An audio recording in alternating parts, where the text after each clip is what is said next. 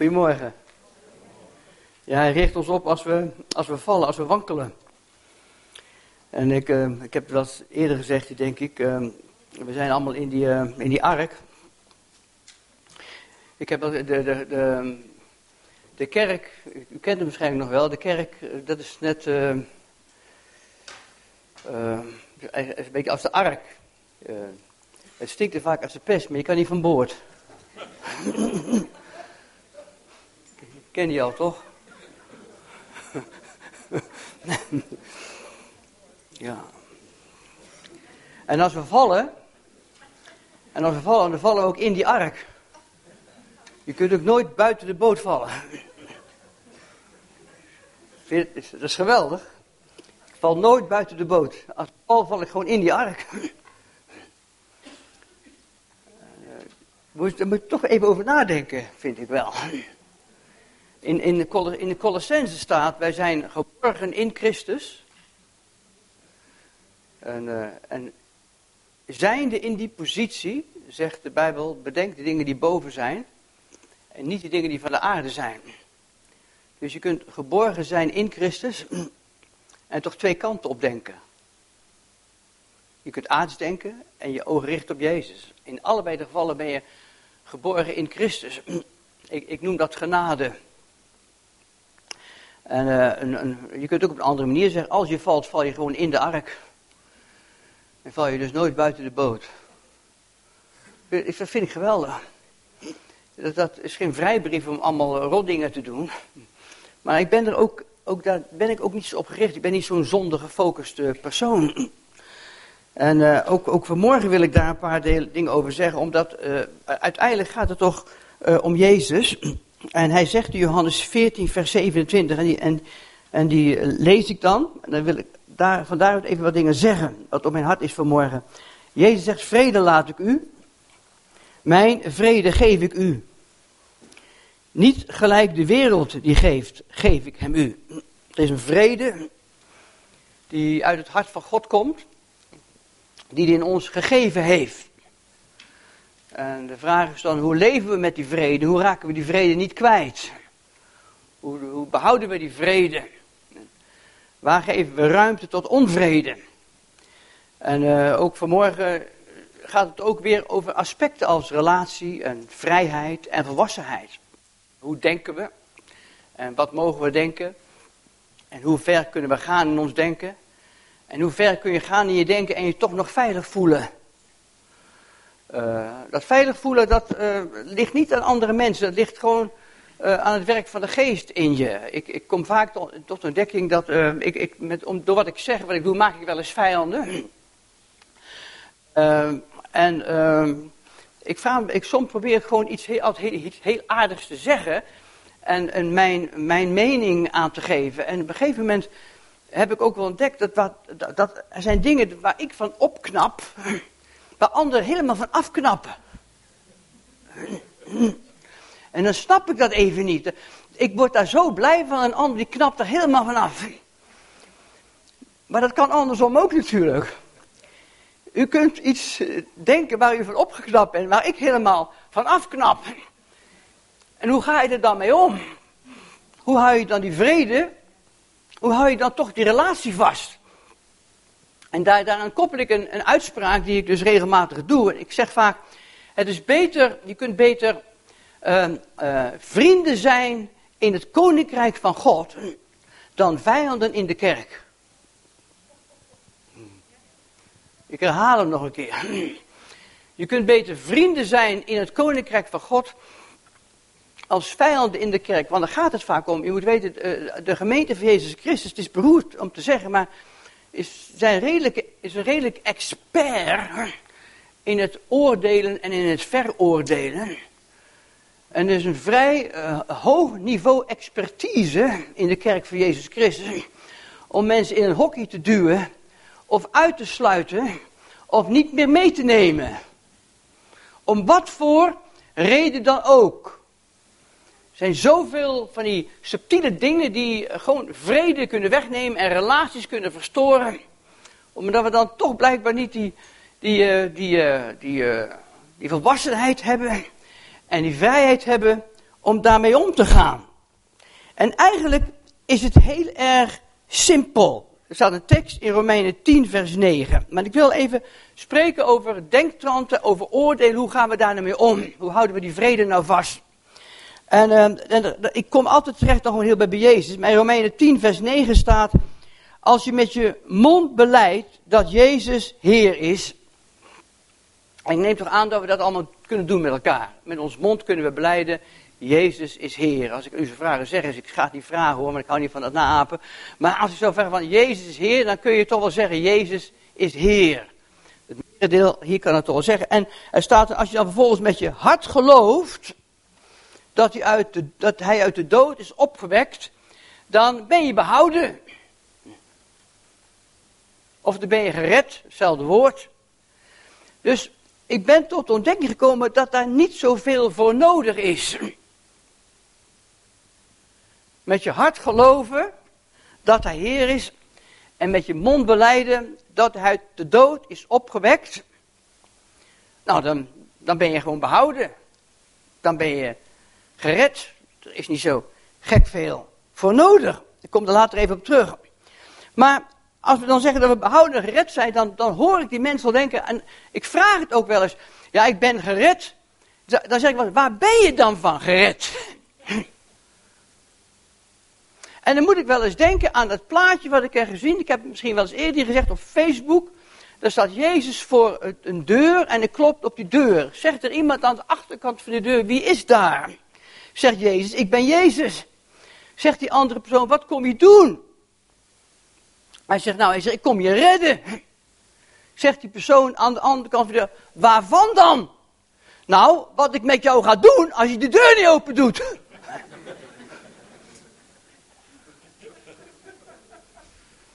Nou, dat is veelal de theologie die ik hoor van mensen om me heen. En ik snap dat niet, want het zegt mij helemaal niks. Maar het is wel een beeld wat we hebben gecreëerd in ons denken. Hoe dat nou precies zit, hè? Waar zijn, waar zijn we dan van gered? En dan, het eerste wat mensen vaak zeggen, ik ben gered van de hel. Nou, als dat alles is, dan moet je ook nog in de hel geloven. Als je daar niet in gelooft, ben je helemaal van niks gered.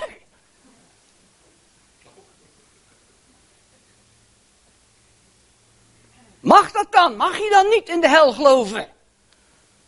Nou, voor vele mensen, die, als je niet in de hel gelooft, als ik zou zeggen, nou, ik geloof niet in de hel, dan ga ik misschien straks wel zeggen, als ik dat zou zeggen, dan ben ik voor, de, voor, voor heel mensen ben ik al gewoon al verdoemd. Per definitie. Omdat ik iets niet geloof, wat zo in hun fundament zit, wat, wat een heleboel op zijn kop zet als ik dat niet zou geloven. En dan, en dan zeg ik het nog een keer en ik blijf het herhalen, dat mijn geloof en mijn eeuwig leven is gebaseerd op een openbaring van Jezus Christus. U toch ook? Ons fundament is een openbaring van Jezus Christus. En niet een specifieke interpretatie. Dus als ik zeg, ik geloof niet in de hel, dan worden sommige mensen geschud in het fundament. Ze zouden volgens mij heel blij moeten zijn. Ze zouden moeten waarom geloof je daar niet in? Ze zouden juist blij moeten zijn, maar blijkbaar zijn ze dan niet blij, want ze willen altijd op een donder hebben en bang zijn voor het vuur. En dan, maar dan, dan schud ik zo aan, een, aan één van hun fundamenten, wat eigenlijk geen fundament zou moeten zijn. Want het fundament is een openbaring van Jezus. Toen ik Jezus ontmoette, was ik gered. Van wat? Ja, van mezelf waarschijnlijk. Maar redding zegt natuurlijk veel meer, hè? Ik, ik heb het een beetje opgezocht. Uh, uh, wij, redding heeft te maken met uh, alles, ik heb het opgeschreven. Alles wat het koninkrijk van God produceert. Dat is van ons als we gered zijn. En dan heb ik het over, over in het Engels zeggen ze to make whole. Heb ik het over bescherming, over geborgenheid, over zekerheid, over heiligheid, over bevrijding en over veiligheid. En niet alleen maar gered van zonde of gered van de hel. Want dat is dat religieuze hokje van angst waar we altijd maar ingezet worden. En dat zijn we ook gewend, onze, onze geschiedenis, op grond van onze achtergrond. Religie in het instituut kerk creëert altijd angst. Koninkrijk van God, zegt de Bijbel, is rechtvaardigheid, vrede en blijdschap. Dat is hier, hè? Ik moest aan die man denken, die met, uh, onze broer met prostaatkanker. Ja, die heeft, ja, die wordt echt geconfronteerd met een spiritualiteit van beneden, noem ik dat eigenlijk. Een, de, de, de, de, hoe, het, hoe het op dit moment is, zijn situatie. Waar zit hij nu in? En ik, het, raakt mij natuurlijk altijd, omdat ik twee jaar geleden uh, ook kanker had. En dan, uh, ja, dan, dan, ja, wat moet ik daarover zeggen? Uh, dat, dat is, dan is dat die manifestatie in hem van het koninkrijk. Hè? Vrede, blijdschap, rechtvaardigheid. Er is iets in hem wat, wat niemand kan wegnemen. Dat is er gewoon. Als je om je heen kijkt, dan zie je die manifestatie niet altijd. Maar het zit in hem. En dan kun je zeggen, ja, hij, hij berust zich. Hij zegt, ja, als ik naar huis moet, dan ga ik naar huis. Oké, je kan het een berusting noemen. Maar het kan ook een werking van vrede zijn in zijn hart. Dat je ook eens kunt, gewoon, gewoon kunt stoppen met vechten. Dat je dat ook durft te zeggen. Zonder dat je gelijk in het verdomhoekje wordt gestopt van, van ongelovig te zijn of zo. Of niet voldoende geloof te hebben. Ja, hoeveel geloof heb ik nodig voor een verkoudheid? Hoeveel hoeveel geloof heb ik nodig voor een longontsteking? Hoeveel geloof heb ik nodig voor kanker? Hoeveel geloof heb ik nodig? Worden allemaal geconfronteerd met de realiteit van het leven. Koninkrijk van God. En Jezus zegt, zoek eerst dat koninkrijk. En alles zal u bovendien gefocust worden. Maar wij zijn in het kerkelijk systeem zo gefocust op het angsten, op, op aspect als hel, op aspect als zonde. Ik, uh, ik, in Johannes 16, vers 9, er staat dat Jezus zegt, ik stuur mijn geest en mijn geest zal je overtuigen. Ik zal het even opzoeken, Johannes 16, vers 9. Dat is niet zo ver vandaan hier. Uh, Johannes 16, ja, vers 9. Ik zoek het even op. Er staat. En als hij komt, zal hij de wereld, de Heilige Geest, overtuigen van zonde en van gerechtigheid en van oordeel. En dan gaat het over het aspect van zonde. Van zonde, omdat zij in mij niet geloven. Er zijn natuurlijk boeken volgeschreven over zonde. Maar Jezus noemt hier een specifieke manifestatie van wat het woord zonde betekent. Dat is zonde, hij overtuigt je van zonde, dat betekent dat je niet gelooft in Jezus. Uh, in, als je het Grieks bestudeert, dan, dan gaat het erover dat zonde heeft te maken met een, een niet weten uh, of nog steeds onbewust zijn van het feit dat je een zoon van God bent. Dat is zonde. En de Heilige Geest is gekomen om ons daarvan te overtuigen, om je ervan te overtuigen dat je wel een zoon van God bent. En als Heilige Geest je overtuigt dat je een zoon van God bent, dan verandert je wereld, je kijk op de wereld. Hij overtuigt je ervan dat je een zoon van God bent. Het is vaak een, een onbewustzijn, een onwetendheid van het feit dat je kind van God bent. En zo wil ik graag mensen ontmoeten die nooit van Jezus gehoord hebben. Als jij nooit van Jezus gehoord hebt, waar het om gaat is dat, dat je dat Heilige Geest jou ervan gaat overtuigen dat je een dochter van God bent. als, als ik dat geloof, dan kijk ik nu al anders naar je. Ik, ik begrijp wat ik bedoel. Als, dat, dan, dan redeneer je helemaal niet van een oordelende context of uh, heb je ook vaak niet de behoefte om, om het evangelie uh, door iemand zijn strot te drukken binnen vijf minuten. Dat, daar gaat het allemaal dan niet meer om. Het enige wat nog moet gebeuren is Heilige Geest die persoon overtuigt van zijn zonde. Welke zonde? De zonde, en dat betekent de onwetendheid, het onbewustzijn dat je een kind van God doet. Ga ik anders naar het woord zonde kijken. Ik, ik, praat eigenlijk niet graag over zonde. Ik, zeg gewoon, ik, doe, ik maak fouten.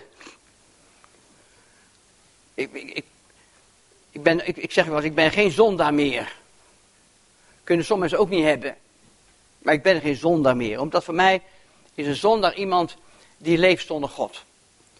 He, Christus die is voor ons gestorven toen wij nog zondaren waren.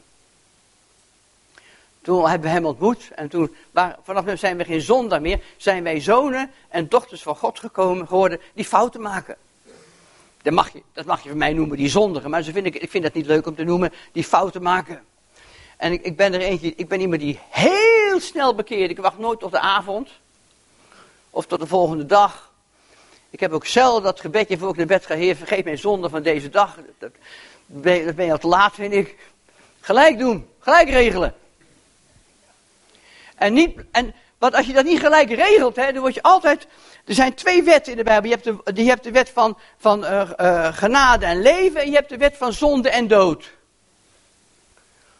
En als je nou te lang blijft liggen, met, blijft rotten met die, met, die, met die akelige dingen, dan word je maar aangeklaagd en dan word je voortdurend gepusht onder die wet van zonde en dood. En daar is altijd oordeel, veroordeling. Dus ik probeer altijd maar aan deze kant te blijven. En, en vooral als het, als, het, als het verkeerde dingen zijn die, waar mensen niet van weten. Dat is helemaal zo geregeld. Ja, het, is, het wordt wat vervelender als er ook anderen bij betrokken zijn. Ja, dan moet je wel eens een keer excuses aanbieden. Of vergeving vragen. Of zeggen, sorry, heb ik niet zo bedoeld. Maar snel die dingen regelen. Onbewust zijn dat je een kind van God bent. Uh, kijk, in, in dat hele denken, want ik, ik moet ergens naartoe, gaat het om Jezus. Het gaat niet om. Oh.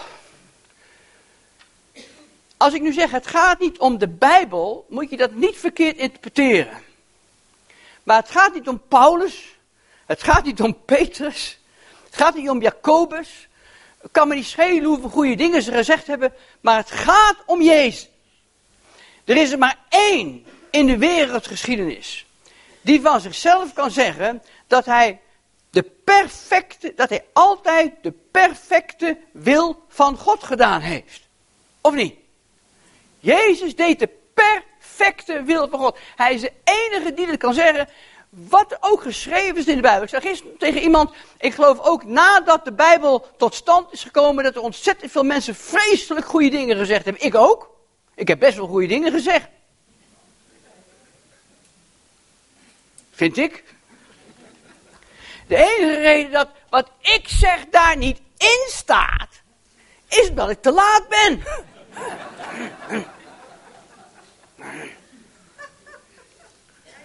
Snap je? Want wie bepaalt dat dan allemaal?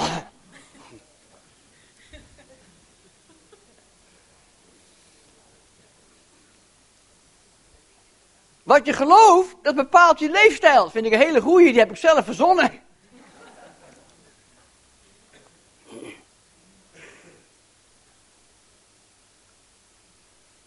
De kerk zet de ark, stinkt als de pest, maar je kan niet verboord. Had er ook in kunnen staan.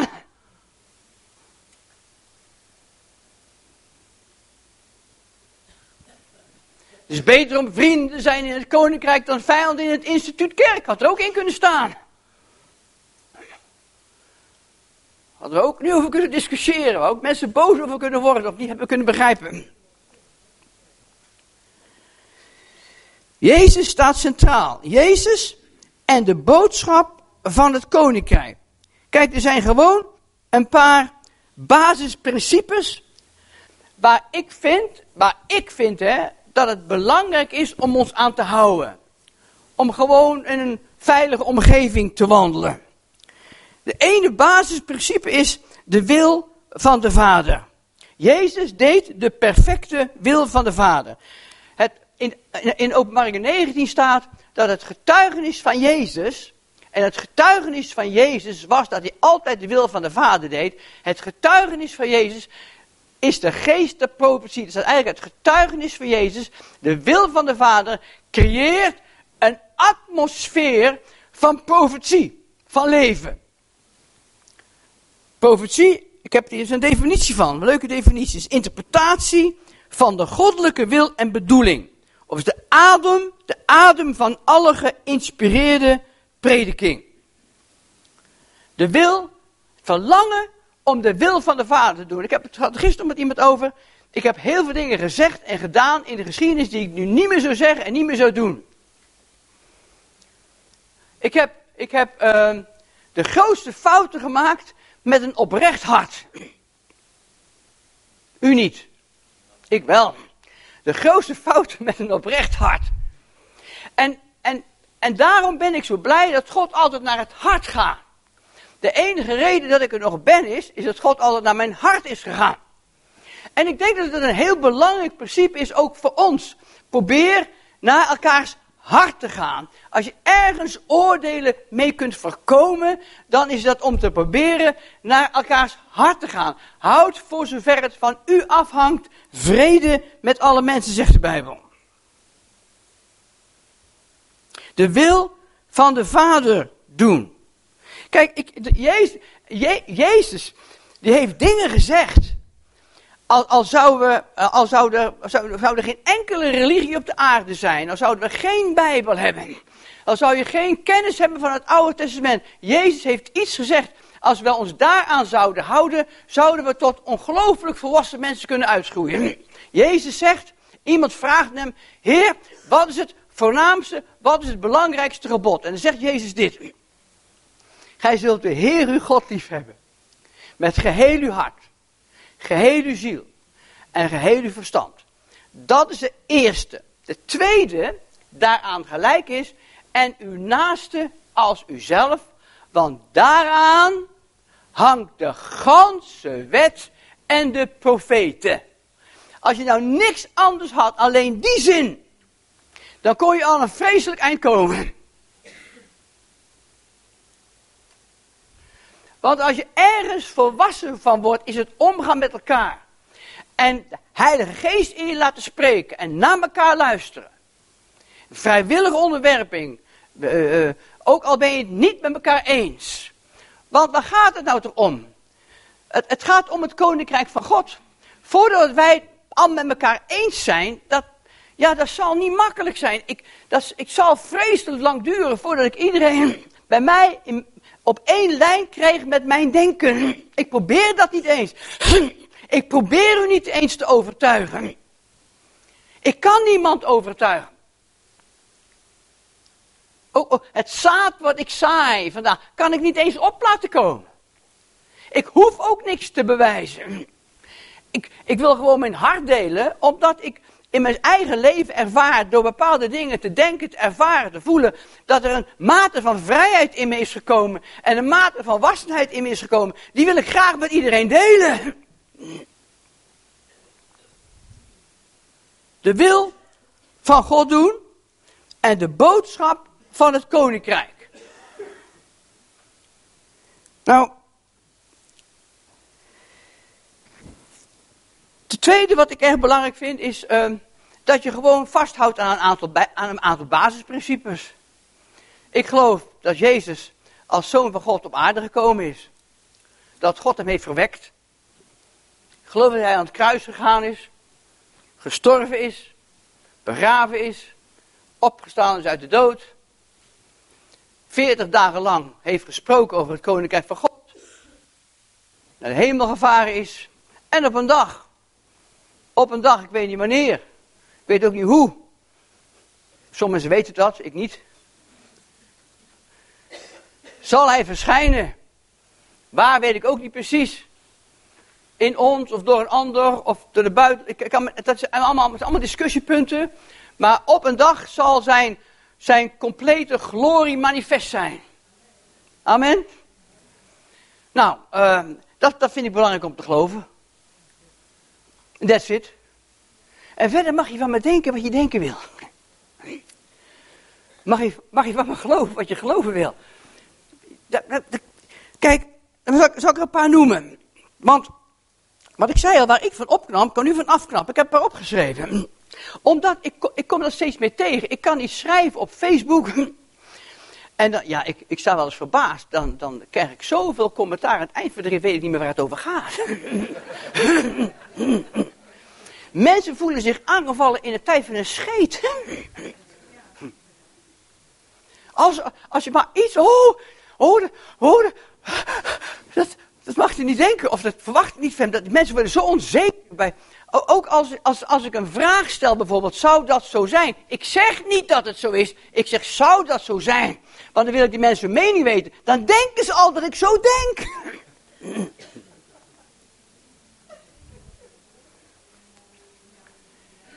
En ik, ik, ik, ik, antwoord ook bijna nooit. Ik laat, laat, me, laat me doordiscussiëren. De laatste keer, kon ik, laatste keer kon ik voor het eerst zeggen op Facebook: hartelijk dank voor deze open en fijne discussie zonder oordeel. Voor het eerst heb ik dat een keer kunnen schrijven. En ik krijg daar weer een heleboel bedankjes voor, maar het was gewoon zo. Maar je komt vogels tegen waar ik het helemaal niet mee eens ben. Maar wat nou zo belangrijk is, dat ik wil gaan naar de, hun hart. De oprechtheid van hun hart. Wat, waar zijn ze doorheen gegaan? Hoe zijn ze, hoe zijn ze zo gaan denken? Alverzoening. Laat ik er eentje noemen. Iedereen wordt gered. Kijk.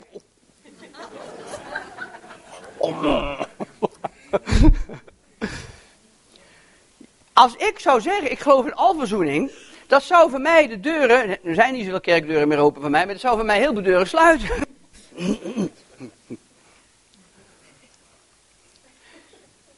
Sommige mensen zeggen van, uh, ja, de, de ene verschil tussen iemand die Jezus niet kent en Jezus wel kent, is dat Jezus wel kent. Die is, die, die weet, die weet dat hij er toen al was, maar omdat hij Jezus moet, weet hij zeker dat hij nu is. Je kunt, je kunt er alles, sommigen noemen het inclusief denken. Iedereen is er al, maar niet iedereen weet het al.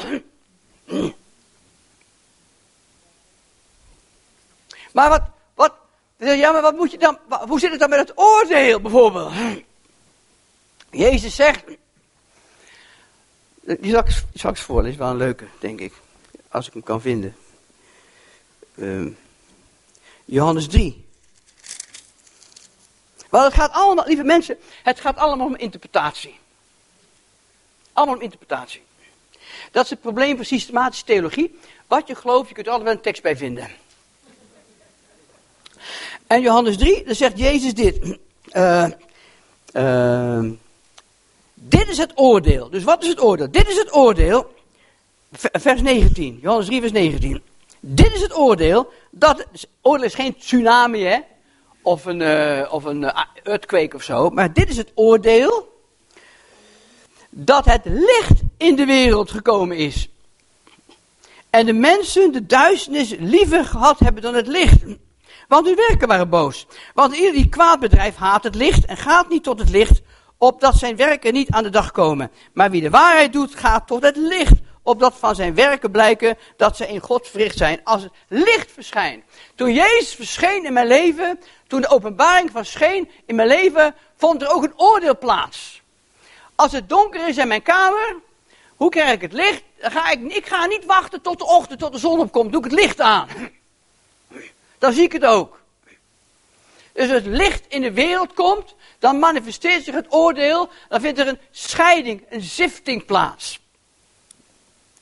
Alverzoening. Oké, okay, nou, ik ken, een man komt naar me toe, een voorganger in de gemeente, moet ergens spreken, zegt mij, Dolf, ja, ik ga het even tegen jou zeggen, wat moet van mijn hart, maar ik kan tegen niemand kwijt. Ik vind het al leuk dat ze het aan mij kwijt kunnen dan denk ik, daar, daar knap ik nou van op. Dan denk ik van, ik ben in ieder geval zo ver gekomen dat mensen iets aan mij durven zeggen. Zonder bang te zijn dat ik erover kwek. Of zonder bang te zijn dat ik van mijn stuk val. Of zonder angst dat hij zegt van, nou, nou, dan kom ik bij jou niet meer spreken. Dat, vind ik geweldig. Hij zegt, hij zegt, ik geloof in de alverzoening. Hij zei, maar dan kan ik in Nederland niet kwijt, want dan kan ik niks meer doen. Ik, ik zei, ja, ik zei, ja, ja, dit zit mij geen, geen fluit. Dus ik heb maar een beetje bemoedigd. En, maar omdat de gedachte, de gedachte erachter is, al iemand die gelooft in het alverzoening, die evangeliseert niet meer. En wat men nou vergeet is, dat de, het is de liefde van Christus die mij dringt. Ik, ik predik Jezus niet uit angst voor een hel of zo. Ik predik Jezus omdat hij best is. Ik, ik ken een man die, die, die bracht een, een, een, een, een vrouw tot geloof, een islamdame, die ontmoette die. En hij getuigde tegen die islamdame en op een gegeven moment gaf ze haar leven aan Jezus. En het was een geweldige tuigenis en dus schreef hij eronder. Maar voor, voor degene die het nog niet weten, het is wel interessant om hierbij te vermelden dat ik geloof in de alverzoening.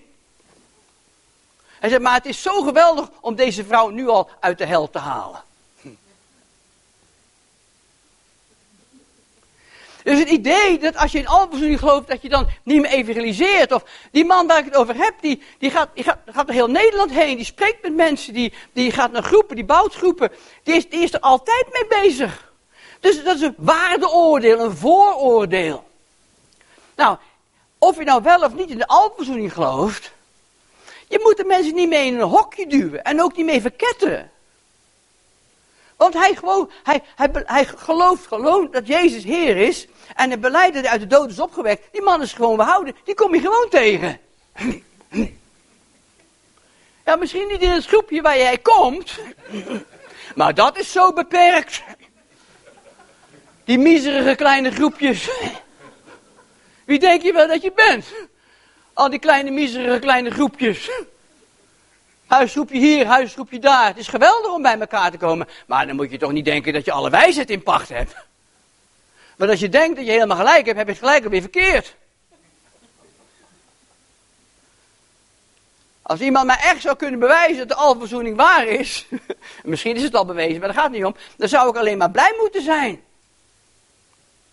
En zou ik op zijn minst het vermogen moeten hebben om even een andere kant op te denken. Om even te gaan kijken wat die ander dan precies bedoelt. Zonder hem gelijk vanuit een hokjesgeestmentaliteit in een hoek te trappen en er niet naar te willen luisteren.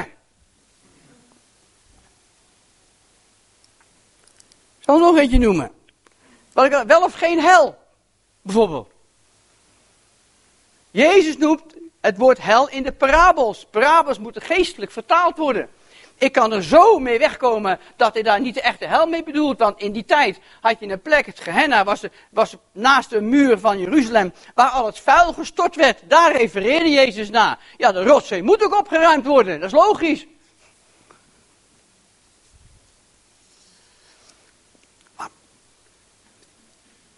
Ik, ik persoonlijk, zou je zeggen wat ik persoonlijk geloof? Dat mensen op een gegeven moment op die, die als, het, als het licht zich manifesteert, de mensen gaan niet naar het licht. En ze, ze zouden het niet halen om in die terminologie te spreken. Ze zeggen, je haalt het niet, dan hou je van mij gewoon op te bestaan. Eeuwige dood betekent voor mij eeuwig niet meer leven.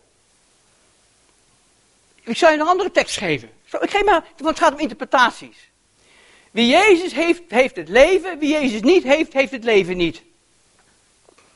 Dus als je Jezus niet hebt, en je hebt het leven niet, dan heb je ook geen eeuwig leven in de hel. Want je hebt het leven niet. Allemaal interpretaties. Maar lui, wat je gelooft bepaalt je leefstijl. Ik geloof dingen waarvan ik ervaar dat ze mij meer volwassen hebben gemaakt, meer vrede hebben gegeven. Het is minder gecompliceerd geworden. Maar ik hou vast aan Jezus. Maar, ik, ik kan iedereen luisteren, maar aan, het eind van de rit is altijd mijn vraag: wat doe je met Jezus?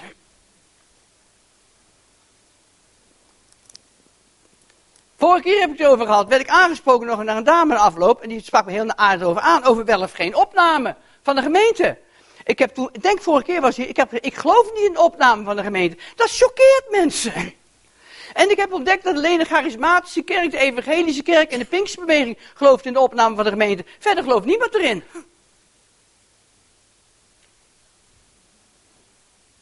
Ik vind het ook geen goed nieuws. een, het moet toch gezegd hebben vorige keer, die bumpersticker op die auto in Amerika. Staat een bump, hebben een bumperstickers op een auto. En er staat op die bumpersticker, als Jezus nu terugkomt, heeft deze auto geen chauffeur. Dat is geen goed nieuws.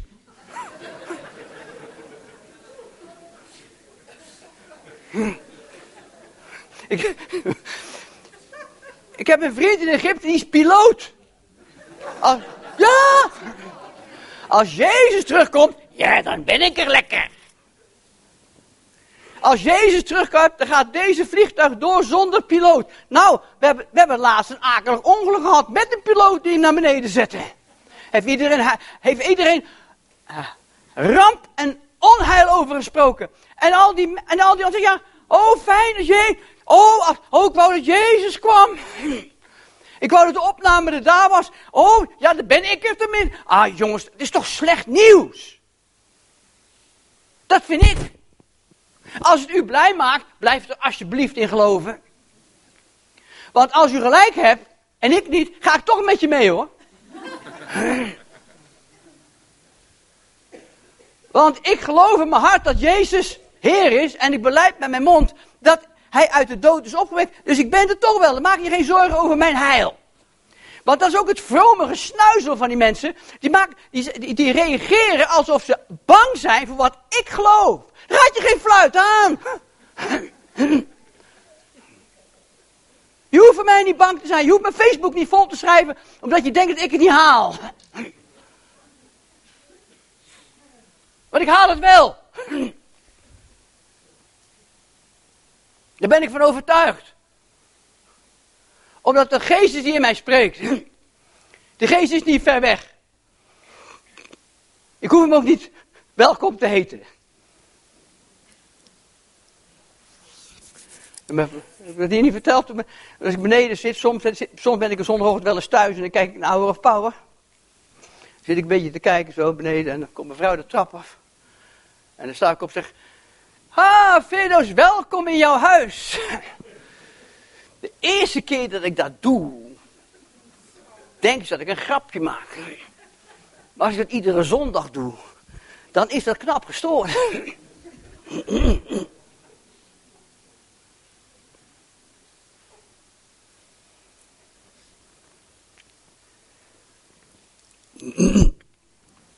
Het, feit of mensen de Bijbel, dat is, dat is ernstig, of mensen de Bijbel onfeilbaar vinden of niet.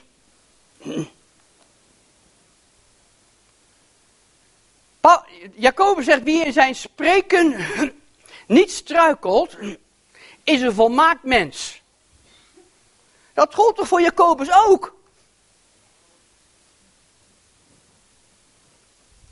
Waarom ik, ik geef, waarom moet alles getoetst worden wat ik zeg en waarom moet er van niemand nooit wat getoetst worden? oh ja, maar het is al getoetst, toch? Ja, daar heeft de Rooms-Katholieke Kerk veel meer Bijbelboek als wij, omdat die anders toetsen.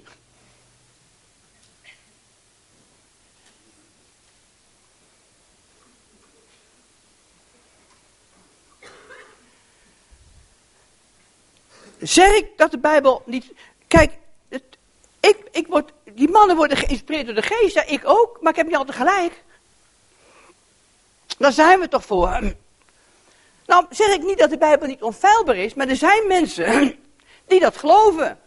Die, die durven bepaalde dingen, ja, dat, dat kan niet uit het hart van God komen. Die durven dat te zeggen, bijvoorbeeld. Ben ik het daarmee eens? Nee, daar hoef ik het helemaal niet mee eens te zijn. Alleen, ik, het wil niet zeggen dat ik daarom iedere band met iemand moet verbreken. Of niet met hem kan praten. Of hem in een hokje moet stoppen alsof hij al in de hel zit waar ik dan niet in geloof.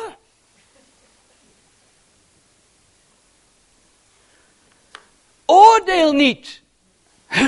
Oordeel niet. Dat is eigenlijk mijn boodschap. Die ik ervaar te moeten spreken, niet alleen hier, maar ook op andere plekken. Oordeel niet. Het is beter om vrienden te zijn in het koninkrijk als vijanden in de kerk. Oordeelt niet. Mensen worden veroordeeld op het begrip van tiende betalen. Mensen worden veroordeeld als het gaat over alcohol, over make-up. In India, ik had een vriend die had in India een week studie gegeven over het vaderhart van God. Laatste middag was de vragenmiddag. De eerste vraag die ik kreeg, hele week gesproken over het vaderhart van God. Vrijdagmiddag, vraaguurtje, wat vindt u van make-up? Je zou hem toch een schop geven, zo vent die dat vraagt.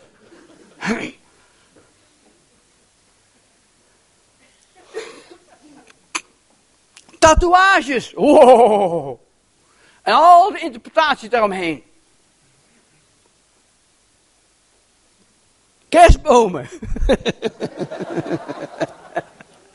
Houd erop man. Ik heb, als de, enige enige manier dat ik geen kerstboom heb is dat ik gewoon vervelend vind dat krenks is op te tuigen.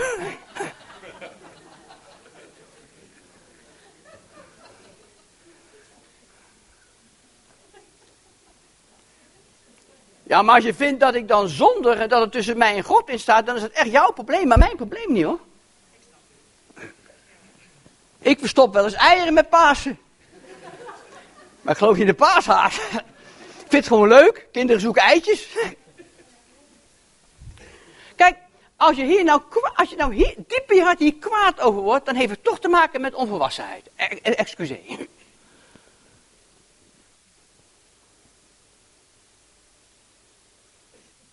Dus bid dan maar voor me.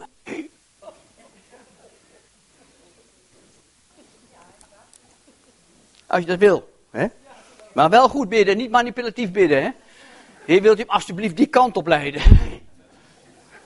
De kant die ik graag wil, Heer. Geef, Heer, dat hij niet meer gelooft, dat hij dat niet meer doet, kerstboom. Zeg dan, Heilige Geest, overtuig hem van, van whatever je, u hem wilt overtuigen. Maar alsjeblieft, bid goed. Niet dat ik er last van heb als je verkeerd bidt hoor, dat wordt ook geleerd. Maar daar zit ik ook allemaal niet mee. Jezus is mijn grootste openbaring. Jezus kan ik ook alles aan vragen. Ik kan, ik kan er gewoon allemaal vragen aan Jezus. Jezus, heb ik hier eens meer gezegd, is de God van het Oude Testament uw vader eigenlijk wel? Heb ik hem ook eens gevraagd.